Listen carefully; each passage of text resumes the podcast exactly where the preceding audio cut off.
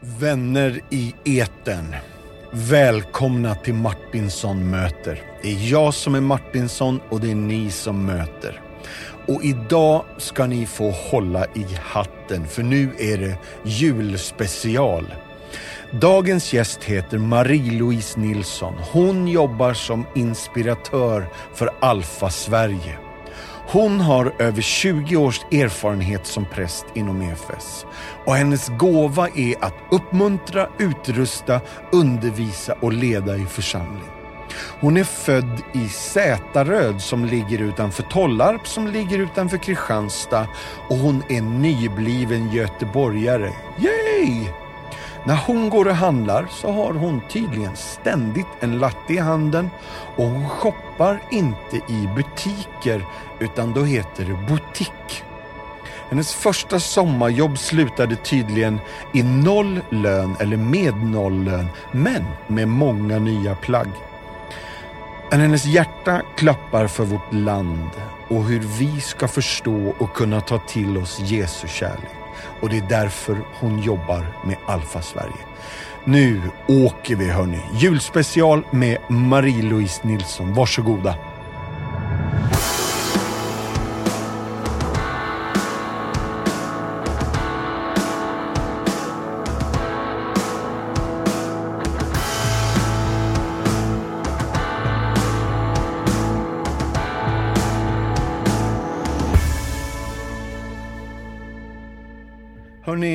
Gott folk, då är det dags. Jag har hälsat välkomna och presenterat dagens gäst, men nu måste jag få säga välkommen till dagens gäst. Marie-Louise Nilsson, vad kul att du är här. Tack Mattias. Tack. Jättegött. Mm. Du, eh, innan vi ger oss på lite life story och de vanliga grejerna så har jag alltid tio frågor till mina gäster. Mm. Men nu är det ju det vi väljer att kalla för julspecial. Mm. Det innebär att jag kommer inte bara ställa tio random frågor utan de har någon form av liksom, de lutar åt julen allihopa. Eh, och du får ta den tid den tar. Vi har yes. ju hela dagen på oss att säga. Är du beredd? Jag är beredd, ja. kör! Finns det några traditioner i ditt hem som julen inte får vara utan? Ja, precis. Allt. Nej, men eh, gran, absolut. Ja, ja tvunget. Eh, gudstjänst. Mm. Nu tänker jag på min familj, alltså min, min familj som jag har nu. Ja, In, det var ju ja, det var den, den du tänkte på mm. också. Mm. Eh, jag tänker god mat. Yep. Ja, viktigt. Det är främst min man som fixar med det. Eh, det är också viktigt med lussekatter. Ja. Mm. Och då räcker jag upp handen här nu då. Ska det vara russin och saffran i dem? Självklart. Ja, ja. jättebra. Ja. Jag säger amen direkt. Mm, tack mm. så jättemycket. Mm. Fast då vill jag bara säga att det är uppdelat. Alltså vi är inte riktigt enade i familjen. Oj. Så att vissa säger ja på, eh, på russin, andra ja. säger nej. Så. Ja. Men, eh, Men det är mm. ingen diskussion kring saffranen? Nej, nej, nej. nej. nej. Här hör... Åh, nej. Åh. Är det ens en lussekatt utan saffran? Vill jag det här är en jättebra fråga. Och viktig. Ja. Mm. Mm. Fråga nummer två. Om du tvunget behövde vara med i ett julspel, vilken roll skulle vi se dig i då? Spontant så kom det ju åsnan. det var... Det jättebra. Man får svara väldigt kort och jag, jag tänker inte, eh, eh, jag bara lämnar din, din spontana känsla där. Fråga nummer tre. Finns det någon LP-skiva som måste läggas på spelaren en viss dag eller vid en viss tid? Men jag vill gärna in med julmusik så tidigt som det bara går. Eh, och för mig så är ju Carolas julskivor, de är ju bara outstanding. Ja. Mm, de, de går om och om igen. Liten följdfråga hur tidigt är så tidigt som bara går? Alltså jag vet inte om jag vågar outa här. men, eh, nej men, eh, november, eh, så. Ja. Mm, det, mm, absolut. Och kan man få in det i mitten så är man ju här. Alltså min man fyller år 5 november, då går det inte. Alltså då, vet, då klarar av den. Sen så fyller min, min eh, yngsta dotter år 25 mm. november. Någonstans däremellan. Ja. Mm. Mm. Mm. Ja, jag hör att detta är någorlunda genomtänkt alltså. Verkligen. Yes, mm. julen är viktig. Ja. Mm. Vilken julsång önskar du att du hade skrivit? O helga natt. Åh, vilket skönt spontanval. Där var den bara. Ja. Du har tänkt igenom den här frågan utan att ha fått den. ja, Nej, men den är ju så mäktig. Ja. ja. Och den är så mycket evangeliet. Just det. Ja. Be mig nu inte citera den. Nej, nej, nej jag ska inte göra ja. det. Eh, det finns en följdfråga på mm. den här. Eh, vilken är den största jullåtsplågan på radion i december? Nu är det jul igen. Ja. Mm. Eh, just det, mm. gamla... Ja. Men man, jag blir glad första gången jag hör den. Ja. Eh, men när jag hör den kanske... Ja. Ja, men jag vill, jag vill, inte, vill inte plocka ner den så. Den är, den är bra de första tio gångerna. Ja, Gud välsigne just det. Exakt, ja. amen. Ja. ja. finns, det, finns det någon mer då? Uh, som, jag blir, vad, vad får jag, som jag blir trött på? Ja. Jag har några förslag okay. nämligen. Okej, okay, säg dem då. ja, tänd ett ljus. Ja. Det är så falskt. Ja, okej. Okay. Ja. okej då, visst. Mm. Mm, mm. Ja, nej men, eh, har du något mer förslag? Annars så säger jag All I want for Christmas med Mariah Carey. Den har jag lite, lite, lite för svårt för. har du det? Mm. Eh, men jag har hört den, okej, okay, men jag har hört den i så här gulliga varianter. Och jag kan tycka som när barn sjunger den och, och dansar och lite så här, då kan jag absolut tycka ja. att den är jag med. söt. Men... Mm. Jag hör dig. Det kanske mer säger någonting om dig. Att, nej. Just det. det, här, det blev bra terapi det här. Mm. Billig terapi. Mm. Vad måste stå på julbordet för att du ska bli glad? Ooh, Jansson. Ja, men det svarade de förra också. Jag, åh, jag ah. har sånt problem med Jansson. Jaså, nej kan, vadå? Är kanske det... säger något om mig ja, det också. Är det ansjovisen? Ja, självklart. Oh, oh. Alltså. Mm. Man kan äta fisk men inte i en potatisgratäng. Så pass. Mm. Ja, nej, jag, jag dömer inte dig nej. alls utifrån detta. Men gör det ändå i hemlighet. Men ja. okej, okay. mm, ja. du är en av dem ja. Ja, Just och det. detta var ju det, ditt främsta, ditt första val. Det här var ju jätteintressant. Eh, har du några fler exempel? Nej men som, eh, okej, okay. min svärmor gör ju eh, jättegod julkorv. Så, det, men, så den, den äter jag väldigt gärna. Mm. Eh, nej men det är ju det här vanliga, skinka, köttbullar, reben. Ja, reben. Brunkål är ju också. Aha. Jag är ju skåning liksom. Ja, ja, ja. Mm, mm. ja. Du hör att jag inte är Nej. Du, du var inte så exalterad över den. Nej, ja, men mm, jag äter gärna det. Mm. Mm. Mm, ägg. Um, ägg. Ja, men jag, jag, är, jag kör hela julbordet. Ägg. Ägghalvor med räkor på och sådär. Ja, ja. och eh, lax och mm. sill och rödbetssallad. Ja. ja. Ja, du har snart gått över hela här. det är jättebra. Ja. Um, vilka egenskaper hos tomten önskar du att du hade mer av? Men han måste ju ha ett enormt tålamod. Ja. Ja, det kan jag önska att jag hade mer av ibland. Mm. Mm. Cool. Ja, vilket skönt svar. Um,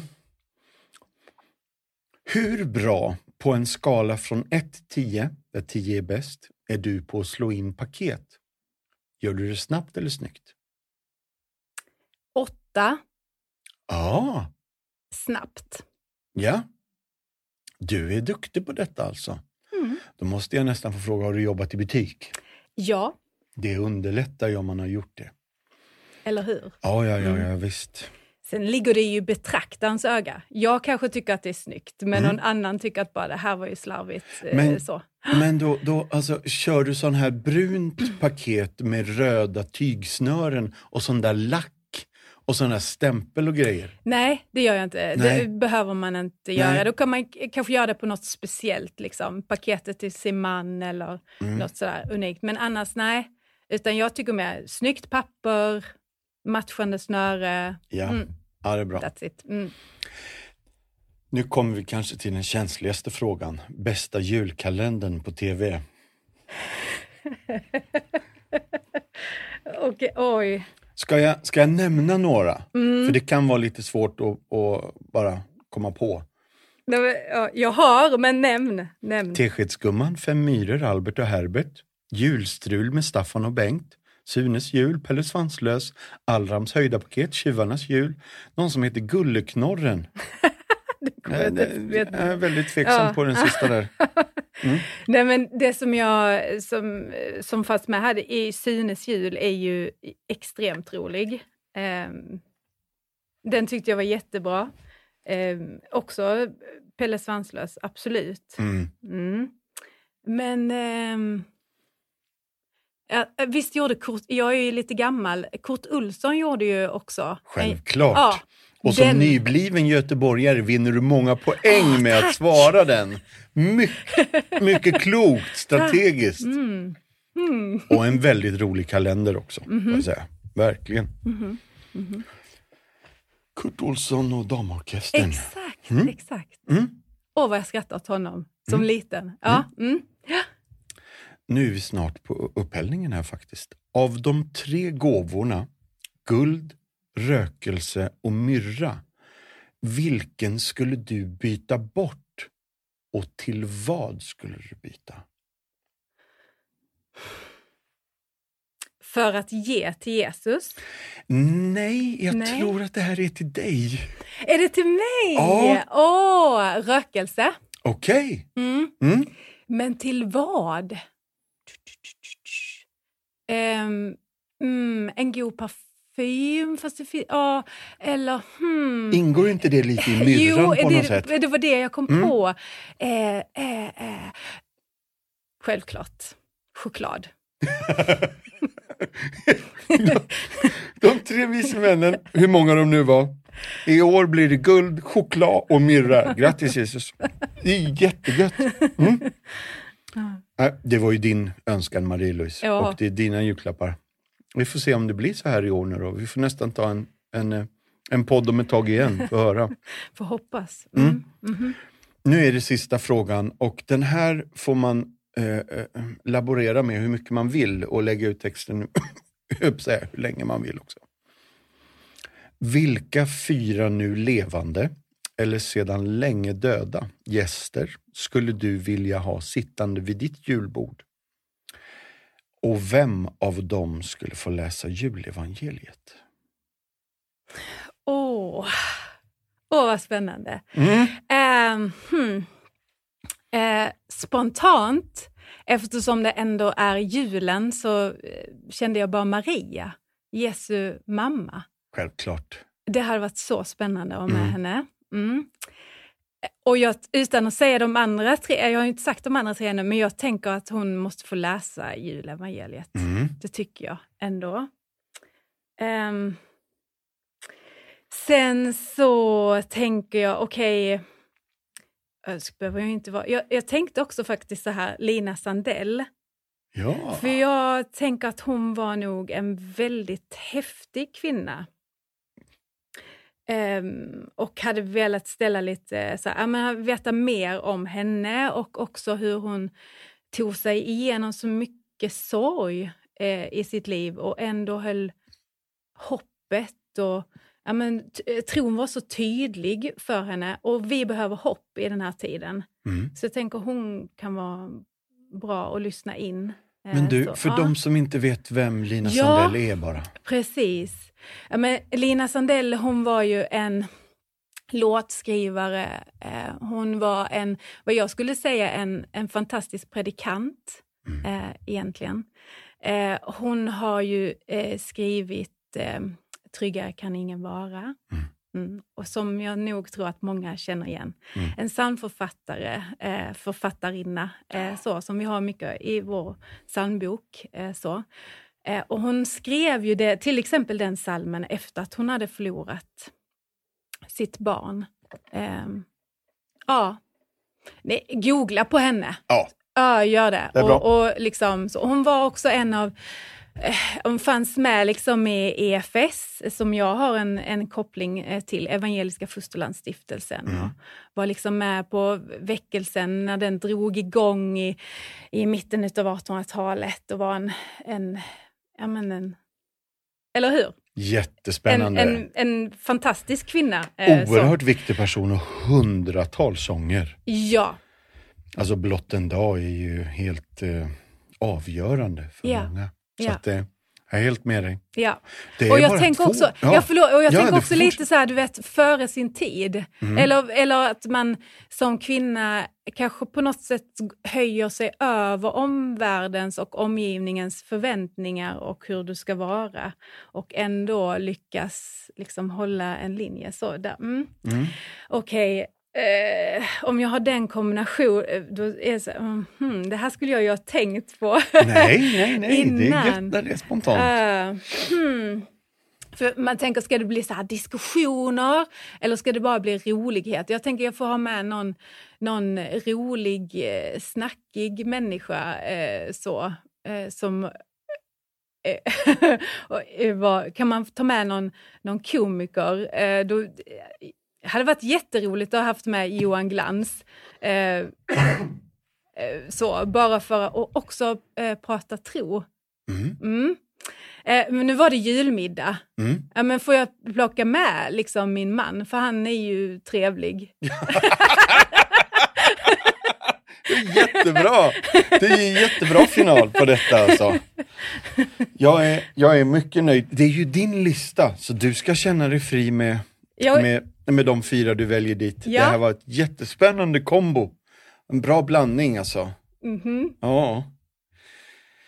Ehm, ska vi Mm. nöja oss med de fyra då? Ja, och jag, nu gick jag igång på nästa fyra och nästa fyra. och nästa, Aha, men det- tar vi någon annan gång. Vi får ja. nog göra det. Ja, vilken rolig fråga. Ja, Mm. vad bra, tack. Mm. Då får vi se vad du säger om nästa då. Mm. Kan du berätta för mig vad som hände den 3 september 1976? Då föddes jag. Ja, Mm. alltså, jag har någon, nå- eh, jag vet inte ens om jag vågar säga det, men jag tror att det är satarröd. Förlåt. Ja, ja du. Alltså du, kommer du från Stockholm från början eller? Zäta-röd. Nej men du! Har du satt ett, har du satt ett A? Ja men du! Ja, Zäta-röd. Ja. Zäta-röd. Precis, där har jag bott hela min uppväxt. Så är det. Ja, Ja. så är det. En liten, liten by. Och det här ligger ju utanför metropolen Tollarp va? Jajamän. Så är det. Mhm. Ja. Mm. Och det ligger ju någonstans utanför Kristianstad. Ja. Ja. Alltså, eh, jag vet att det finns något syskon och jag Mm. tror att det är en syster. Men vad du kan. Victoria. Ja. Mm. Stora syster eller Nej, lilla syster? Hon är lilla syster. Okej. Mm. Mm. Yngre än mig. Mhm. Ja. Viktigt också. Ja, ja, ja. Eh, sen har jag någon referens här till, jag, jag visste inte riktigt om det var en ort eller om det är ett människonamn, men det finns någon som heter Karna. Karna. Karna! Ja, Ja. Karna. Karna, ja. Eh, Karna är min ju barndomsvän. Eh, Ja. Som vi fortfarande har kontakt. Eh, hon bor just nu i London. Jättestor utmaning med hela lockdown och så vidare. Mm. Eh, Karna, eh, vi gick i förskoleklass tillsammans och hon frågade mig om jag ville följa med till FGPG. Du, bra! Det här behöver ju jag förklaringar på. FGPG, jag Ja. har det i mina papper och det står bara ett stort frågetecken Ja. efter det. Det, Kör! Precis, flickgrupp och pojkgrupp. Ja, det var inte svårare än så. Nej, det var inte så. Men, eh, och det var liksom en... Eh, i, I den lilla byn Tollarp så fanns det ett litet, litet missionshus som hette EFS missionshus. Ja. Och för att ha alltså barn och, och ungdomsgrupper, liksom, verksamhet i kyrkan, så hette det FGPG. Flickgrupp och pojkgrupp.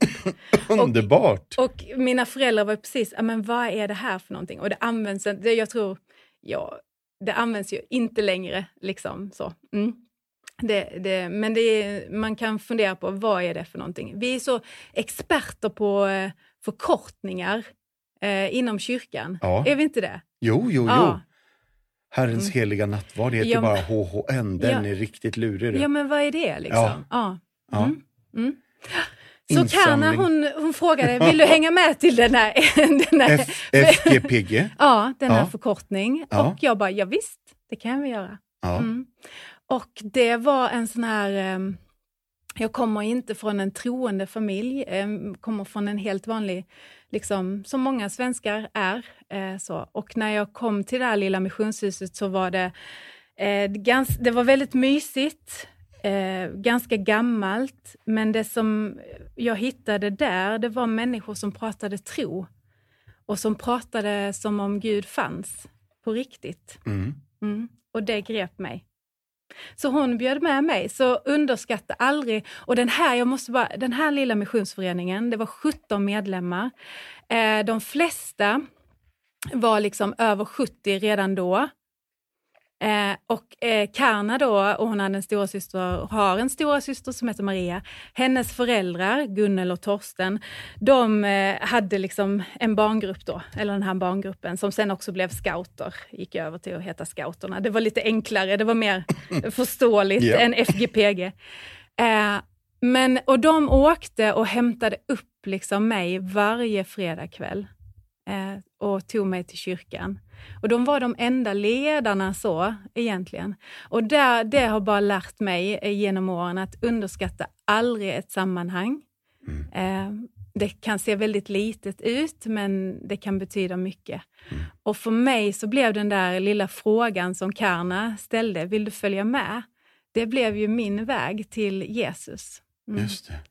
Så hon var en liten ung eh, evangelist, eller ung, eh, verkligen att vittna om vem Jesus är, bara genom den enkla frågan. Mm. Så det är också det som jag vill uppmuntra människor till, eh, att våga ställa den där frågan, vill du följa med? Mm.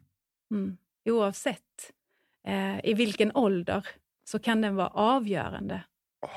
Mm. Jättebra. Åh, vad fint. Du, eh, jag ber om ursäkt Karin att jag eh, kallar dig för Karna. Det är Eh, många som gör, eller mm, lätt hänt. Men du, Mm. eh, var det musikgymnasium i Kristianstad? Mhm. Ja, men något sån naturvetare eller något basår och lärarhögskolan, stämmer det här? Det här stämmer. Ja, Ja, ja. alltihopa? alltihopa. Ja, Eh, Ja, och sen Glimåkra. mm. Har vi rätt ordning på det ja också? jag tror det. Och sen ungdomspastor inom EFS. Ja, Och sen Johannelunds teologiska högskola. yes. Och då måste man ju flytta ifrån Tollarp. ja, det måste man. Det kan man behöva av andra anledningar också. ja, men det hade jag gjort tidigare. Mm. Ja. Mm. Och Johannelund ligger i... Uppsala. Ja. Mm.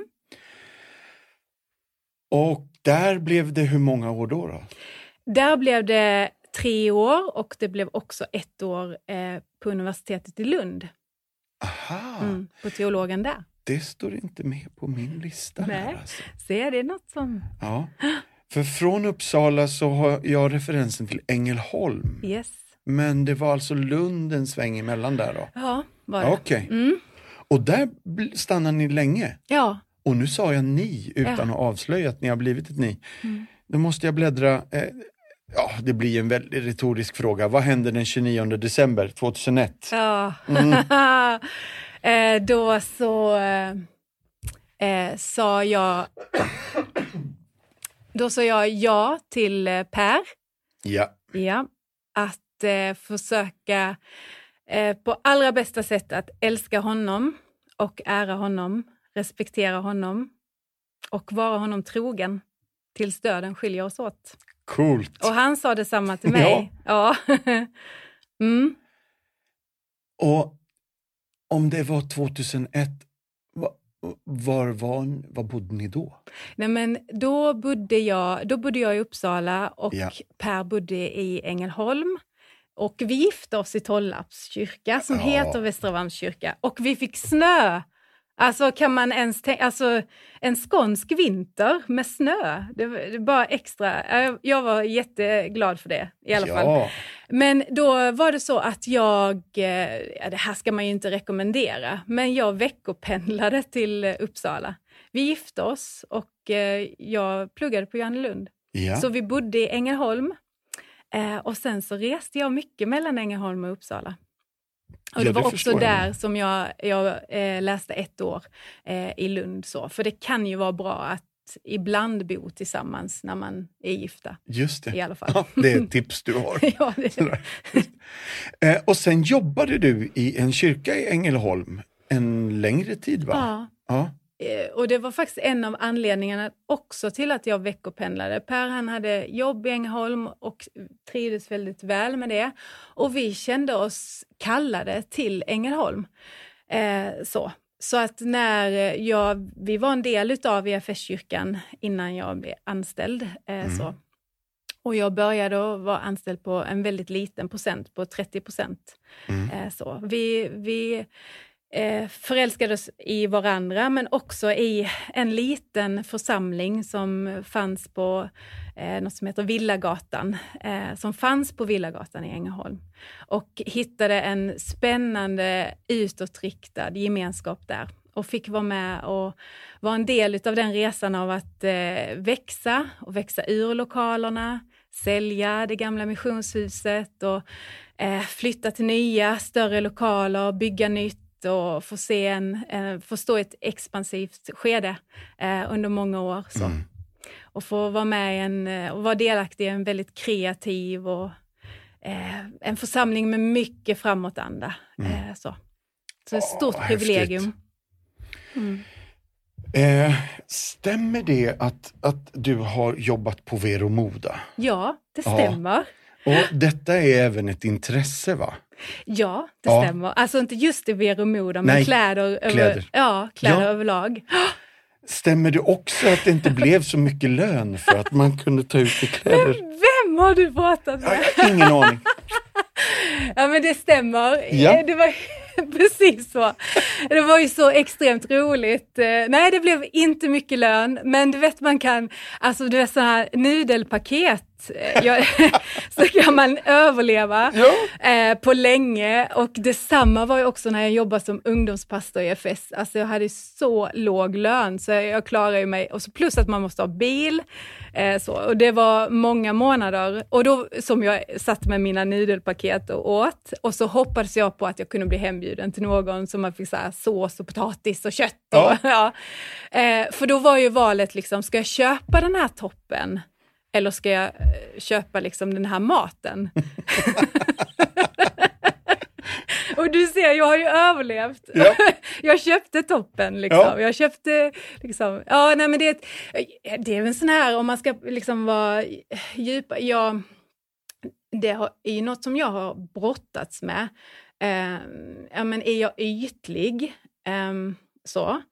Men, eh, och, och fått liksom, är jag ytlig? Eh, finns det girighet i mig? Lägger jag så mycket liksom, pengar på det här och på mig själv? Och är det rätt?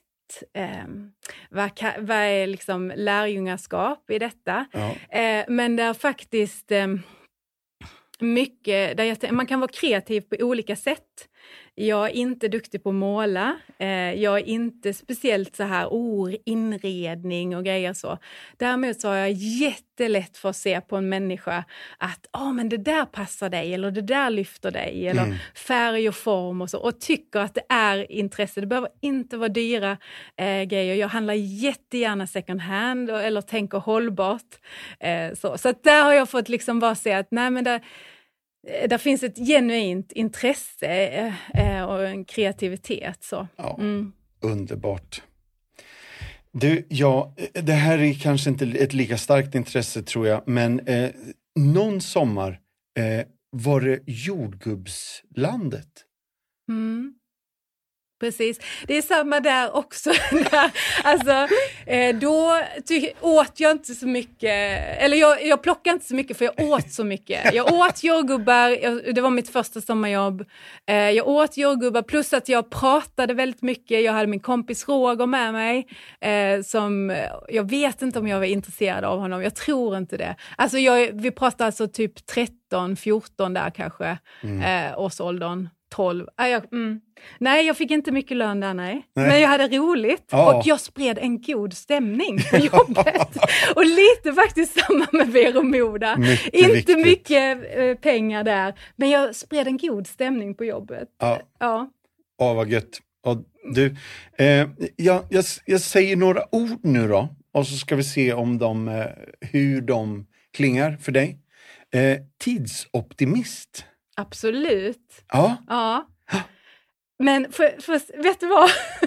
Men jag vill bara säga, jag lever ju då tillsammans med en man som inte är det. Alltså han är ju tvärtom. Han är ju liksom, kan vi vara där tio minuter eh, tidigare, så är ju han. Och jag försöker lära mig utav honom så. Men jag vet också att det är vissa rynkor som jag har orsakat honom. De, alltså det står Marie-Louise efter dem. Liksom så här.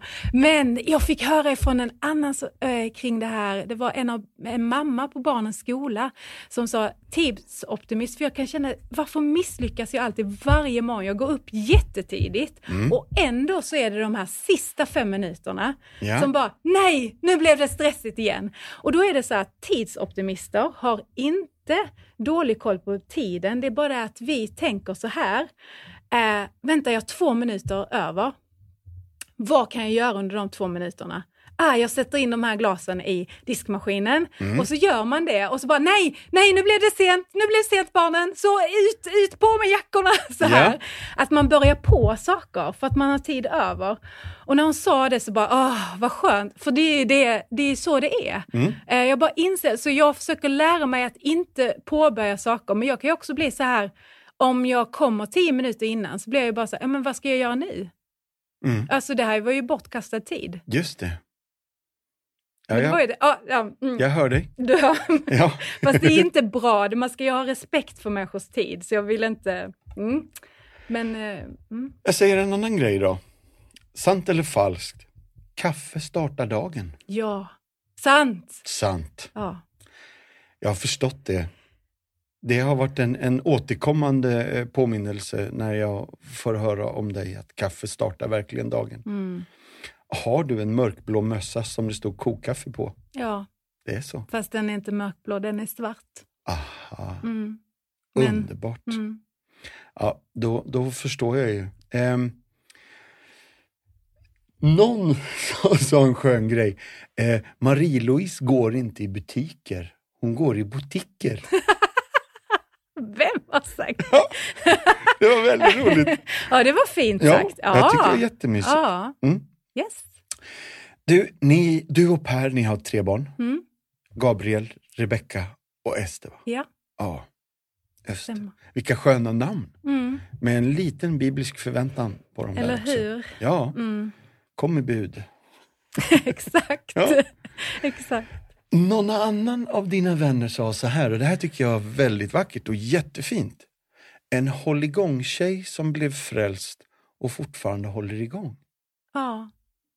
Men vad fint! Ja! Ja. ja.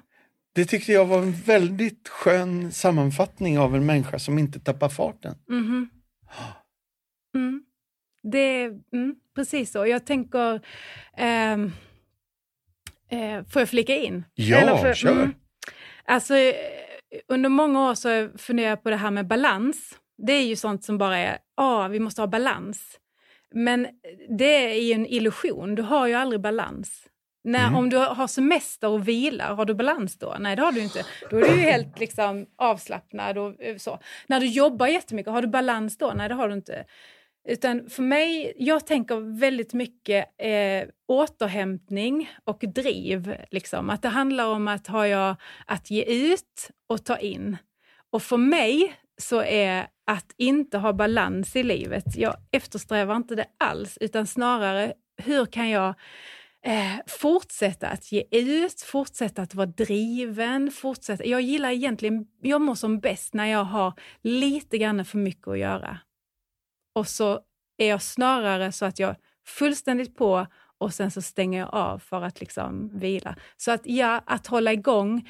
Och då är det inte så här, oh, stressigt hålla igång, men att hela tiden ha en... Det handlar jättemycket om riktning. Vad har du för riktning med ditt liv? Liksom? Vad har du för längtan? Eh, så ja, hålla igång, men det som, med det som är viktigt och det som är viktigt liksom på riktigt. Mm. Så, där. Ja. Mm. Jättebra förklarat, spännande. Eh, 2015 har jag en notis om metropolen Undersåker. Mm. Stämmer det här? Mm. Och, och, berätta lite mer. Sommaren 2015 va? Mm. Mm. Då flyttade vi till Jämtland ja. eh, och flyttade till Undersåker som ligger en bit utanför Åre. Oftast så... Mm. Mm. Eh, vi eh, hade under ett års tid, liksom, eh, innan dess, eh, bara upp känt så här, men det är någonting annat eh, liksom, som pockar på. Vi hade det så bra i Ängelholm. Där var liksom det var, när vi väl liksom bara kände att nej, men vi är nog på väg någon annanstans, så var det också med stor sorg. Mm. Eh, men sen fanns det en längtan och en kallelse till Jämtland, både till en specifik församling eh, i Östersund, Eh, men också till själva eh, livet, fjälllivet, eh, hitta en lite annan eh, rytm. Vi hade drivits, eh, drivit på mycket. Eh, både min man hade ett ganska intensivt arbete. Vi hade fått eh, våra tre barn. Eh, han reste mycket eh, över liksom, Europa och andra delar av världen. Så. Och, eh, och jag älskade församlingen, eh, men fick, ni vet det här när man bara, eh, allting är jättebra, men nu var, nu var det färdigt. Liksom. Mm.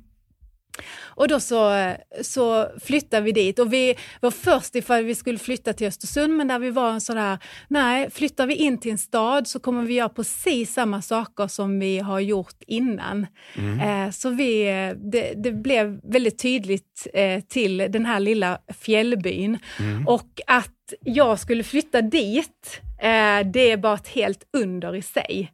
Inte lika stort som liksom, inkarnationen, det vill jag inte, det vill jag inte påstå, liksom att Gud blev människa. Men att, att denna, alltså, åh, jag älskar ju liksom, ja men du vet, eh, högklackat och asfalt och en latte i handen och liksom så. Jag vet, jag skickade iväg till mina vänner någonstans, vi var ute och, och eh, Eh, gick upp för Storsnasen, eh, det, ja, det är ett litet fjäll yep. vid Silarna. Eh, så, och så var jag bara så här, tog upp min telefon och bara, var är närmaste espresso house? liksom, ja, jag vill ha en latte. Nej, då måste du göra det själv. Ja, så då var det ju liksom 12 mil bort och typ ingen täckning. Hallå! Så. Men eh, så vi flyttade och det, vi har bara lärt oss så mycket kring att bara, just med stillheten, eh, naturen, sova i tält, skidåkningen, alltså det, det stilla livet. Du fick skala av. Eh, så. Mm. Det gjorde oss ju också att vi fick mycket tid eh, som familj. Eh, så. Det. Eh, så det fantastiska år. Mm. så. Mm. Ja, vad häftigt. Någon av dina kompisar säger att det, måste vara här carvingsvängen och stålkanten satte sig. Ja, ja, ja. Alltså, jag kunde ju inte alls... Alltså, jag har lärt mig åka skidor som, som vuxen. Ah. Eh, så som 30-åring. Gabriel var... Eh, alltså jag är både höjdrädd och farträdd och Gabriel var nio månader och Per han älskar att åka skidor. Mm. Får jag säga detta förresten? För jag, för jag kan erkänna, jag, jag, ska berätta där jag tänkte ljuga för min man. Är det okej? Okay? Jag... du, du, det, du, du är ansvarig för vad du säger. ja, och jag... okay, tack. Uh, men, uh, han, var, han har åkt skidor, han är jätteduktig och har åkt skidor hela sitt liv. Så. Mm.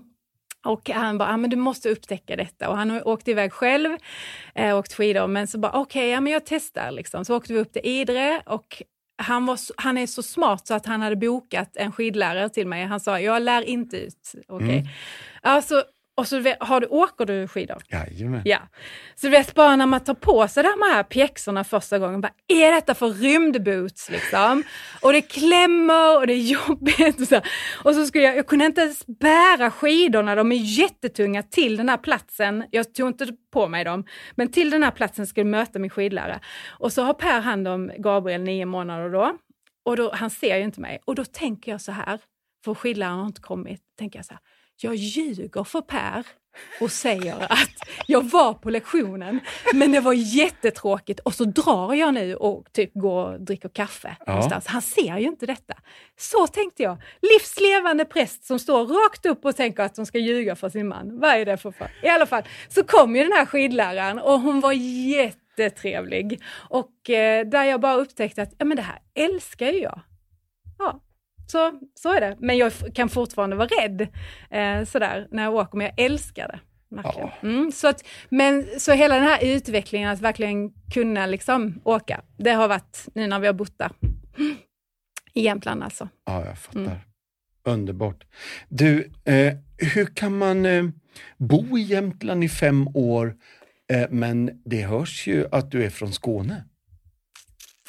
Nej, men... Smittas man inte? Du säger att eh, du har väl varit stockholmare, eh, men eh, det är nog eh, ja, 40 år sedan.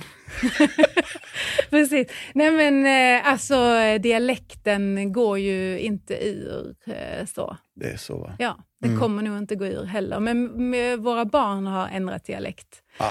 Och nu till, jag vet inte om jag ska säga glädje eller sorg, mm. så hör man ju efter fyra månader i Göteborg så har det ju eh, liksom nästlat sig in lite göteborgska liksom, dialektdragningar i, i alla tre barnen. Eh, så. Mm. Nu måste jag få fråga, varför är du så förälskad i Alfa? Och, det, vi har ju en lång story mm. eh, tillbaka, eh, jag och Alfa. Eh, men i grunden så ligger det i att eh, jag har haft det stora eh, privilegiet och nåden att få tron presenterad för mig i ett, ett, samhälle som är så enormt sekulärt och det är så, det är så eller sekulariserat. Det är så um, det är så få som delar tro eh, och jag fick lov att få liksom, någon som berättade eh, om Jesus för mig. Men det mm. kunde precis lika gärna gått mig förbi. Eh, I den här tiden, där är så många människor som behöver eh, få tro, hopp och kärlek in i sitt liv. Eh, som behöver få tron presenterad för sig på ett sätt som, som man kan förstå och som man kan få tid att processa. I det så finns det ingen plats som är så vacker och som är så tydlig som det, som kyrkan, när kyrkan fungerar som den ska. Mm. När kyrkan fungerar som den ska, så är kyrkans största och viktigaste uppdrag att ge vidare evangeliet om Jesus Kristus, att ge vidare tron, att dela och berätta om vem Jesus är. Mm. Ett enkelt sätt, alltså för att en kyrka verkligen ska vara kyrka, det är att, att se nya människor komma till tro.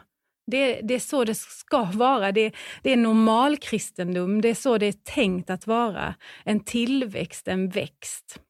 I det så ser jag att eh, det finns ett redskap som är helt outstanding i det. Och det är Alfa som är liksom, vill skapa ett rum för människor att samtala om det som är viktigt på riktigt. Att få tron presenterad för sig på ett pedagogiskt, enkelt, lättförståeligt sätt. Samtidigt som det ger liksom bara en sån uppmuntran för mig som har varit troende länge alltså varje, varje alfaföredrag, så jag lär mig alltid någonting nytt. Varje alfagång, jag lär mig alltid, eller liksom blir påmind om någonting på nytt. Liksom så. Så när, alltså du kan använda vad för något som helst skulle jag säga som kyrka. Eh, bara människor kommer till tro. Har du något annat redskap som fungerar bättre? Shoot, bara gör det, använd det, mm. dela liksom. Eh, men utifrån den väldigt lilla och korta erfarenhet jag har av att vara i, i, i ledarskap i kyrkan under 20 års tid, så ser jag att för mig så ser jag att det finns inget, alltså det är ett, ett helt unikt och jättebra redskap, alfa. Därför att det, du presenterar evangeliet enkelt och lättförståeligt, respektfullt, omsorgsfullt. Du får tid att processa samtidigt som att det vitaliserar kyrkan. Mm. Och när kyrkan vitaliseras, när kyrkan är det som det vi är tänkt att vara, när kyrkan får, får verkligen genomsyra ett samhälle, så blir också ett samhälle, ett gemenskap, en by förvandlad. Och det är liksom, när jag ser alfa så ser jag inte en alfakurs eh, vid ett tillfälle, utan jag ser och det här kan ju låta jättestort och förlåt om jag är en drömmare, men jag kommer nog vara det tills jag eh, mm. dör. Men det jag ser det är ett, ett land eh, som får återevangeliseras. Jag ser ett, ett land, ett, eh, jag ser Sverige som får liksom genomsyras utav tro, utav eh, kyrkor som ger ut det som vi kallade att ge ut. Eh, så.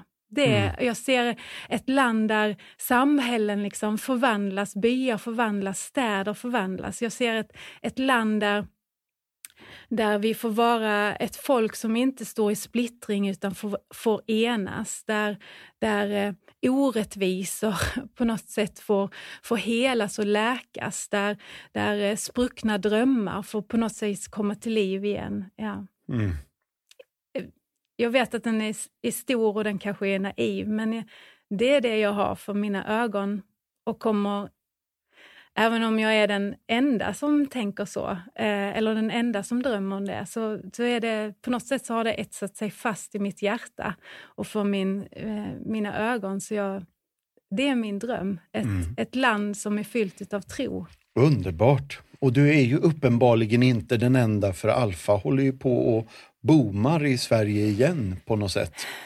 Eller hur? Eh, Med stor tacksamhet. Mm. Ja, jättespännande. Mm. För det hade ju en storhetstid eh, för 20-25 år sedan, något, ja. något sånt ja. där. Ja. Eh, och det verkligen exploderade för första gången. Men mm.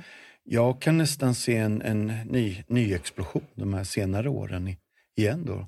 Låt oss hoppas det, mm. verkligen. Att det, det får hålla i. Ja. Gött. Mm. Du, vem är Marcus Torjeby? Och har ni en föreställning på gång?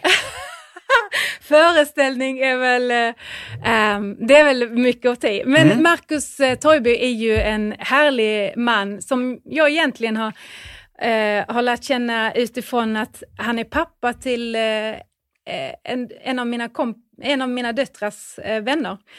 så, så han är ju löparen och eremiten. Och, Barfotaspringaren? Exakt! Ja. Eh, kommandes från Öckerö, va? Ja, precis. Och vi lärde känna varandra i, i Jämtland ja. Eh, och bodde nästgårds, kan man väl nästan säga, där uppe. Ja. Eh, så. Och vi började helt enkelt bara prata vi bara började prata och prata mm. tro och prata rörelse. Eh, jag började nog egentligen prata med honom för att jag var så dålig på att springa. Jag hade gjort en grej med ryggen och så vidare. Och han bara nej, nej, så ska du inte göra och så, bla, bla, så här. Men så eh, så pratar vi om ja, men just det här, vad är det som är viktigt på riktigt? Varför mår vi så dåligt eh, när vi har det så bra? Vad är det som fattas liksom oss eh, som människor? Och hur kan Alltså han har en erfarenhet av att ha levt fyra och ett halvt år ute i en kåta mm. eh, i, i skogen. Och det var faktiskt en kompis till mig som sa att, ja, men att han har levt fyra och ett halvt år i en kåta ute i skogen, det är, det är större att du har levt fem år uppe i Jämtland i en fjällby. det är större omställning. Och jag bara, ja tack, tack, tack. Men han har gjort det, han har skrivit en jättebra bok som heter Löparens hjärta, som mm. jag tycker att ni ska eh, läsa, ni som lyssnar på detta. Han Eh, och hans erfarenheter där utav stillhet, av att lyssna liksom. Eh, och, och, min erfarenhet utav eh, att dels att vara nära att gå in i den här jätteberömda väggen som vi har, mm. eh, många av oss. Om man är engagerad, om man är liksom så, vad får jag för erfarenhet av att liksom köra på, vad har jag hittat där? Samtidigt, hur kan Eh, ja, men vi har eh, liksom tron och så, hur det påverkar eh, varandra. Så, men vi har eh, samtal kring eh, vi erbjuder, sen har ju hela corona liksom satt stopp eh, för detta som så mycket annat. Mm. Men vi har ett jättespännande projekt eh, som vi hoppas ska komma igång snart, där helt enkelt prästen möter löparen ja. eh, och där vi vill dyka ett bord och göra det möjligt för kyrkan att nå utanför de vanliga eh, liksom nätverken som man har eh, för att just prata tro, prestation och hur vi mår så. Och så får vi berika varandra. Vi är jätteolika. Jag brukar komma upp där i mina klack, eh, klackeskor och han står barfota. Eh, men det är just det att det handlar om riktningen och riktningen har vi gemensamt. Liksom. Mm. Ja, jättespännande. Mm.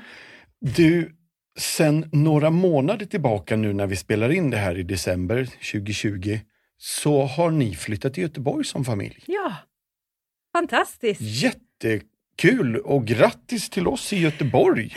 Tack. Här kommer ni, mm. hela gänget. Mm. Och just i dagarna håller ni på att flytta in? Mm. I... Vi, precis, vi har bott på ett ställe nu som vi har hyrt och sen så nu så har vi eh, köpt en lägenhet eh, som vi flyttar in i nu. Vi håller på så. Så tack för att jag får vara här och mm. slipper bära. så lämnar det till resten av familjen. Så. Nej men det känns jättebra. Vi är jätteglada över att få vara här och fått en god ingång. Eh, så. I, även, mm. Jättespännande. Och du jobbar stora delar på Alfa Sverige och sen reser du runt och predikar i mm. kyrkor och kapell. Ja, ja. så är det. Ja, häftigt. Mm.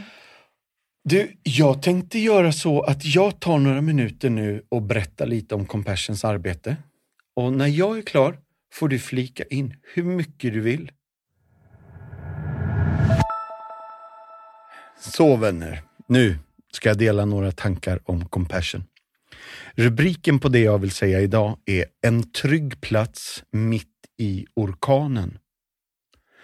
Vi lämnade vårt hus på söndagen när vi hörde om orkanvarningen. Vi kom till skyddet här i Compassion-centret och dagen efter hörde vi att hela vårt hem har totalförstörts. Säger José David som är åtta år gammal. Han har nu bott på Source of Holiness, barnens utvecklingscenter, med sina föräldrar sedan orkanen Lota drabbade Nicaragua. På natten till måndagen den 16 november 2020 så landade orkanen Lota i den nordligaste delen av landet och tog med sig starka, våldsamma vindar och ett oupphörligt regn. I en katastrofal händelse så förstördes 69 byar i södra staden Tola av effekterna av den här starka orkanen. Starkaste orkanen som någonsin berört Nicaragua. Source of Holiness utvecklingscenter i byn Virgen Morena bevittnade förstörelsen orsakad av den här katastrofen från första parkett. När floder och bäckar som omger staden och byn då, så börjar de rinna över på några timmar efter att regnet har startat och helt enkelt aldrig vill sluta. Mitt på natten så tvingades familjer, likt José David och pastor Adelas familj, fly från sina hem när de hörde det här skrämmande dånet, ljudet av floden som förstör flodbäddar och flodstränder och som forsar in på deras bakgårdar och bryter isär väggar och hus. Precis som pastor Adela sökte många utav eh, handledarna och även familjerna och barnen och från byn i samhället tillflykt i Compassion-centret och klassrummen förvandlades till tillfälliga hem. Bord blev provisoriska sängar. Skolstolar blev garderober där man la sina kläder. Vi öppnade dörrarna både till kyrkan och till centret för alla barn. Många är en del av vårt fadderarbete och många kommer härifrån samhället. Vi inbjöd dem att ta sin tillflykt hit redan innan stormen slog till, berättar pastor Adela. När regnet började så öppnade vi först dörrarna. Vi förberedde mat, dryck, filtar och mitt i natten så sprang faktiskt våra handledare och hämtade barn och familjer från deras hem för att kunna komma hit till skyddet. Sedan dess har centret blivit en säker tillflyktsort i samhället som har hittat en hjälpande och ett emotionellt stöd i den compassion-personal i den här oerhört utmanande tiden. På grund av de ständiga tillförlitliga stödet och skyddet som de ger familjerna så har centret nu blivit kallat för ett regeringsutnämnt skyddsområde. Min fråga idag är mycket enkel, men ni hör att den också har ett allvar i sig. Vill du bli en fadder till ett barn som José David? Vill du hjälpa en pastor som Adela i Compassions arbete? Just nu är behovet av nya faddrar mycket stort. Och för 310 kronor i månaden så understödjer du ett fadderbarn holistiskt och det innebär, vi jobbar på fyra sätt. Ekonomisk hjälp med mat, kläder och skolavgift. Fysisk hjälp. Vaccinationer, hälsokontroller, sport och fritidsaktiviteter. Social hjälp. Våra centrum fylls av kärlek, omsorg och uppmuntran. Och andlig hjälp. Vi sticker inte under stolen med att vi gör det vi gör i Jesu namn. Så därför har vi både åldersanpassad söndagsskola, vi sjunger för och med barnen och vi berättar om vår tro. Vill du bli en fadder? Gå in på vår hemsida www.compassion.se Signa upp dig direkt, bli fadder till ett barn redan idag. Och du kanske tänker, ja men jag har ju redan ett fadderbarn. Då är mitt tips, ta ett till. Nu har jag pratat klart om just det här.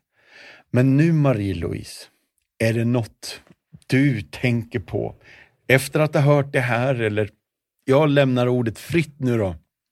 Hmm. Men eh, framförallt så är jag väldigt glad över att själv få vara compassion-fadder. Eh, vi är fadder, faddrar till en, dot, litet, eh, en dotter, skulle jag säga, men det är inte mitt barn. Men vi är faddrar till Rosalind som är åtta år och ja. bor i Kenya. Mm. Så jag vill bara uppmuntra till att det är så enkelt. Jag tror många gånger att vi att vi gör det så svårt. Eh, vi ser hela världens, liksom, ah, det är så många som mår dåligt, det är så stora behov.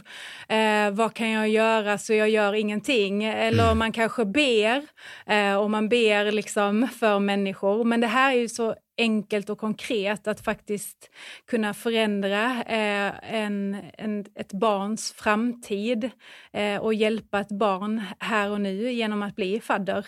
Eh, så jag läste bara för ett tag sedan att eh, just när vi går igenom kriser som egentligen hela världen gör nu utifrån covid-19 så tyvärr så är det ju så att det är barn och det är kvinnor som drabbas mest. Så är det alltid i krig och yeah. hungersnöd. Annars så är det ofta det är liksom barnen som far illa, som får mest illa och det är kvinnor som får mest illa. Eh, kanske de som inte har så mycket av egen röst. Eh, så. så här vill jag, det behövs. Eh, mm. och det, du kan göra skillnad. Mm. Eh, Lina Sandell som jag, som jag hänvisade till innan. Mm. Eh, hon har ju skrivit en, visst du är ju jätteduktig på det här med psalmer, men eh, hon har ju skrivit Gör det lilla du kan, gör ja. det villigt och glatt. Mm. Och det har varit en sån där, ja men gör det lilla du kan. Eh, så. så där vill jag bara uppmuntra till du som lyssnar på detta, gör det lilla du kan. Eh, det som du har möjlighet att göra, gör det. Ja. Mm. ja, för risken finns ju att vi alla bara blir förvånade och i vår förvåning av hur pass svår tiden kan vara mm. så blir vi förlamade. Ja. Och ja, det du säger här av att man gör något litet, 310 kronor i månaden är på ett sätt inte, inte litet, utan det är ju ett, ett commitment. Mm. Men det gör ju en väldigt stor nytta. Ja.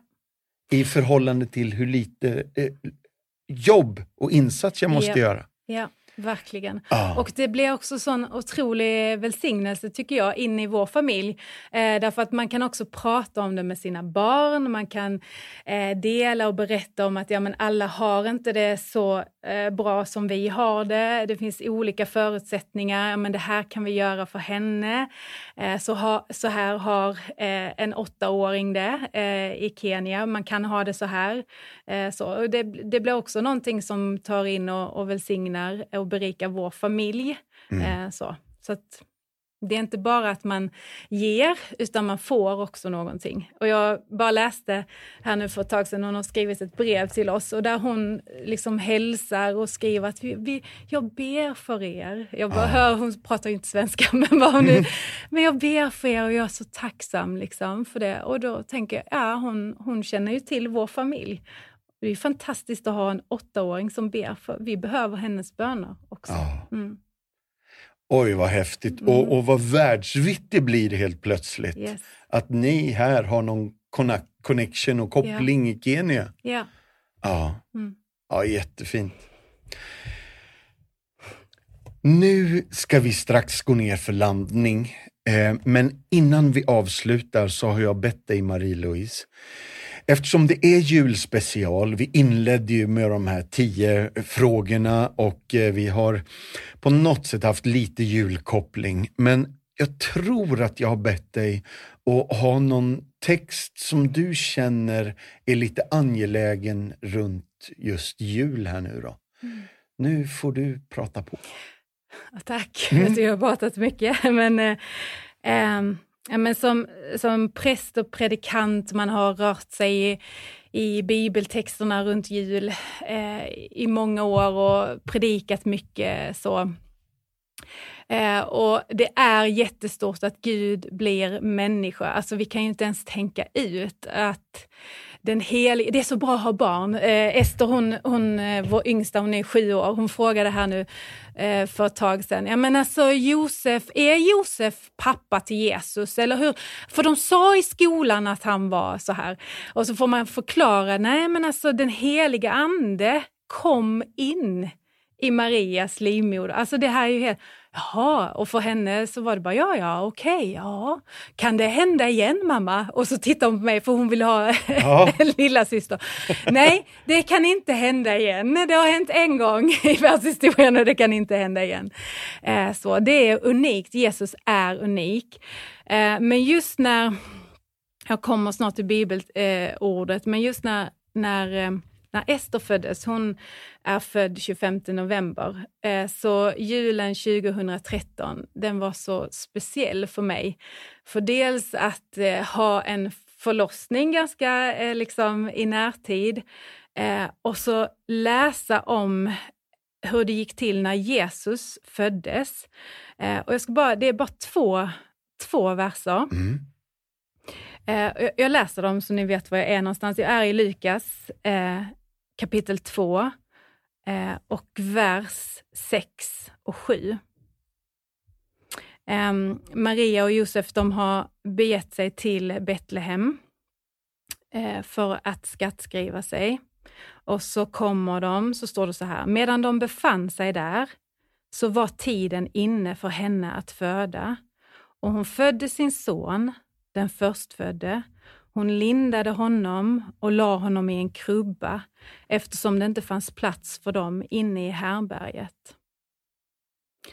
Eh, och jag, jag, är så, jag, blev så, kom, jag är så tacksam för den julen 2013 därför att jag fick sitta med en ganska nyfödd eh, Ester i min famn Eh, Eh, och ta hand om henne och amma henne och titta på hennes små bebishänder. Och vid flera tillfällen så bara kom över mig en sån enorm tacksamhet eh, över att Jesus föddes. Mm. Och att Gud blev människa.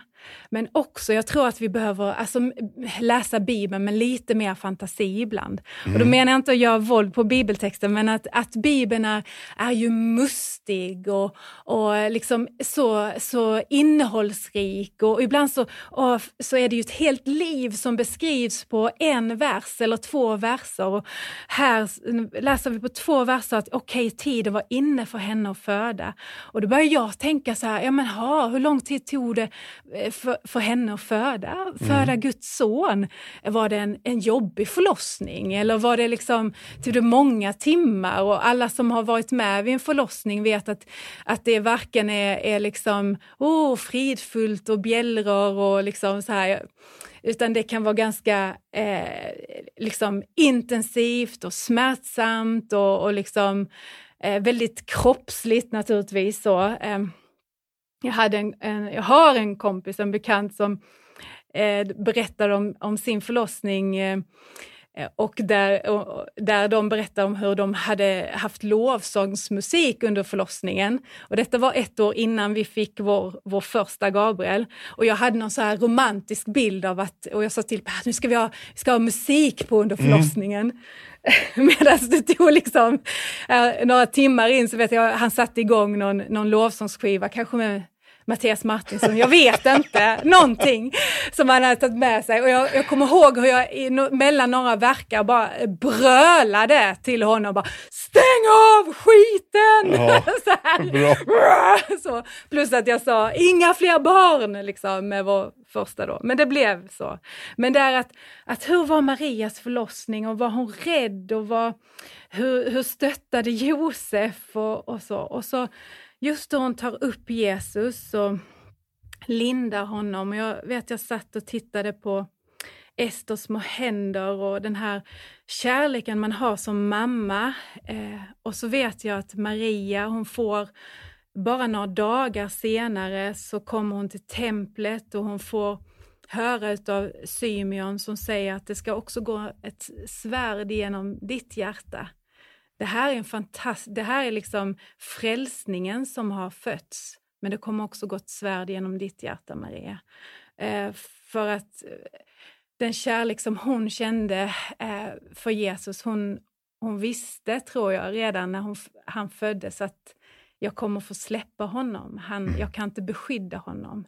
Eh, vilken smärta det måste ha varit för henne. Mm. Eh, att eh, både se sin son missförstås, men också eh, den enorma offer som han gör för oss på korset. Eh, och hon står ju där mm. och ser detta. Och det är hennes son. Det är hennes son som hon har fött och det är hennes son som hon har ammat och eh, som hon har liksom hållit i sin famn. Eh, och det blev så tydligt för mig när jag satt den här liksom, julen med Ester som ganska nyfödd.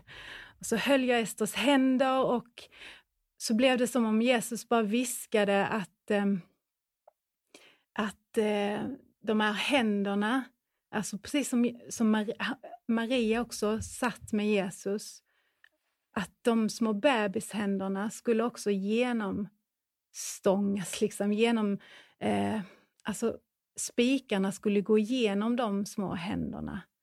Mm. Um, undrar om hon visste det, undrar om hon kunde ens ana det. Liksom.